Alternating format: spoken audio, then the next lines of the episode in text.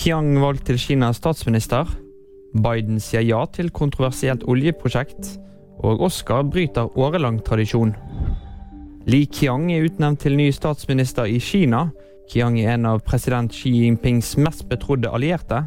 Valget, som fant sted under Folkekongressen i natt norsk tid, var høyst ventet. 63-årig Qiang er tidligere leder for kommunistpartiet i Shanghai og arkitekten bak millionbyens omfattende koronastrategi. Joe Biden vil gå videre med oljeprosjektet i Alaska til en verdi av 8 milliarder. Det skriver flere amerikanske medier. Prosjektet er langt fra ukontroversielt, og verneinteresser står mot utbyggingen. Store deler av urbefolkningen ønsker oljeutvinningen velkommen pga. inntektene som gagner lokalsamfunnene. Årets Oscar-utdeling blir uten den tradisjonelle røde løperen. I stedet har Oscar-akademiet avduket et helt nytt champagnefarget til årets prisutdeling. Dermed bryter de en tradisjon som har vart siden 1960.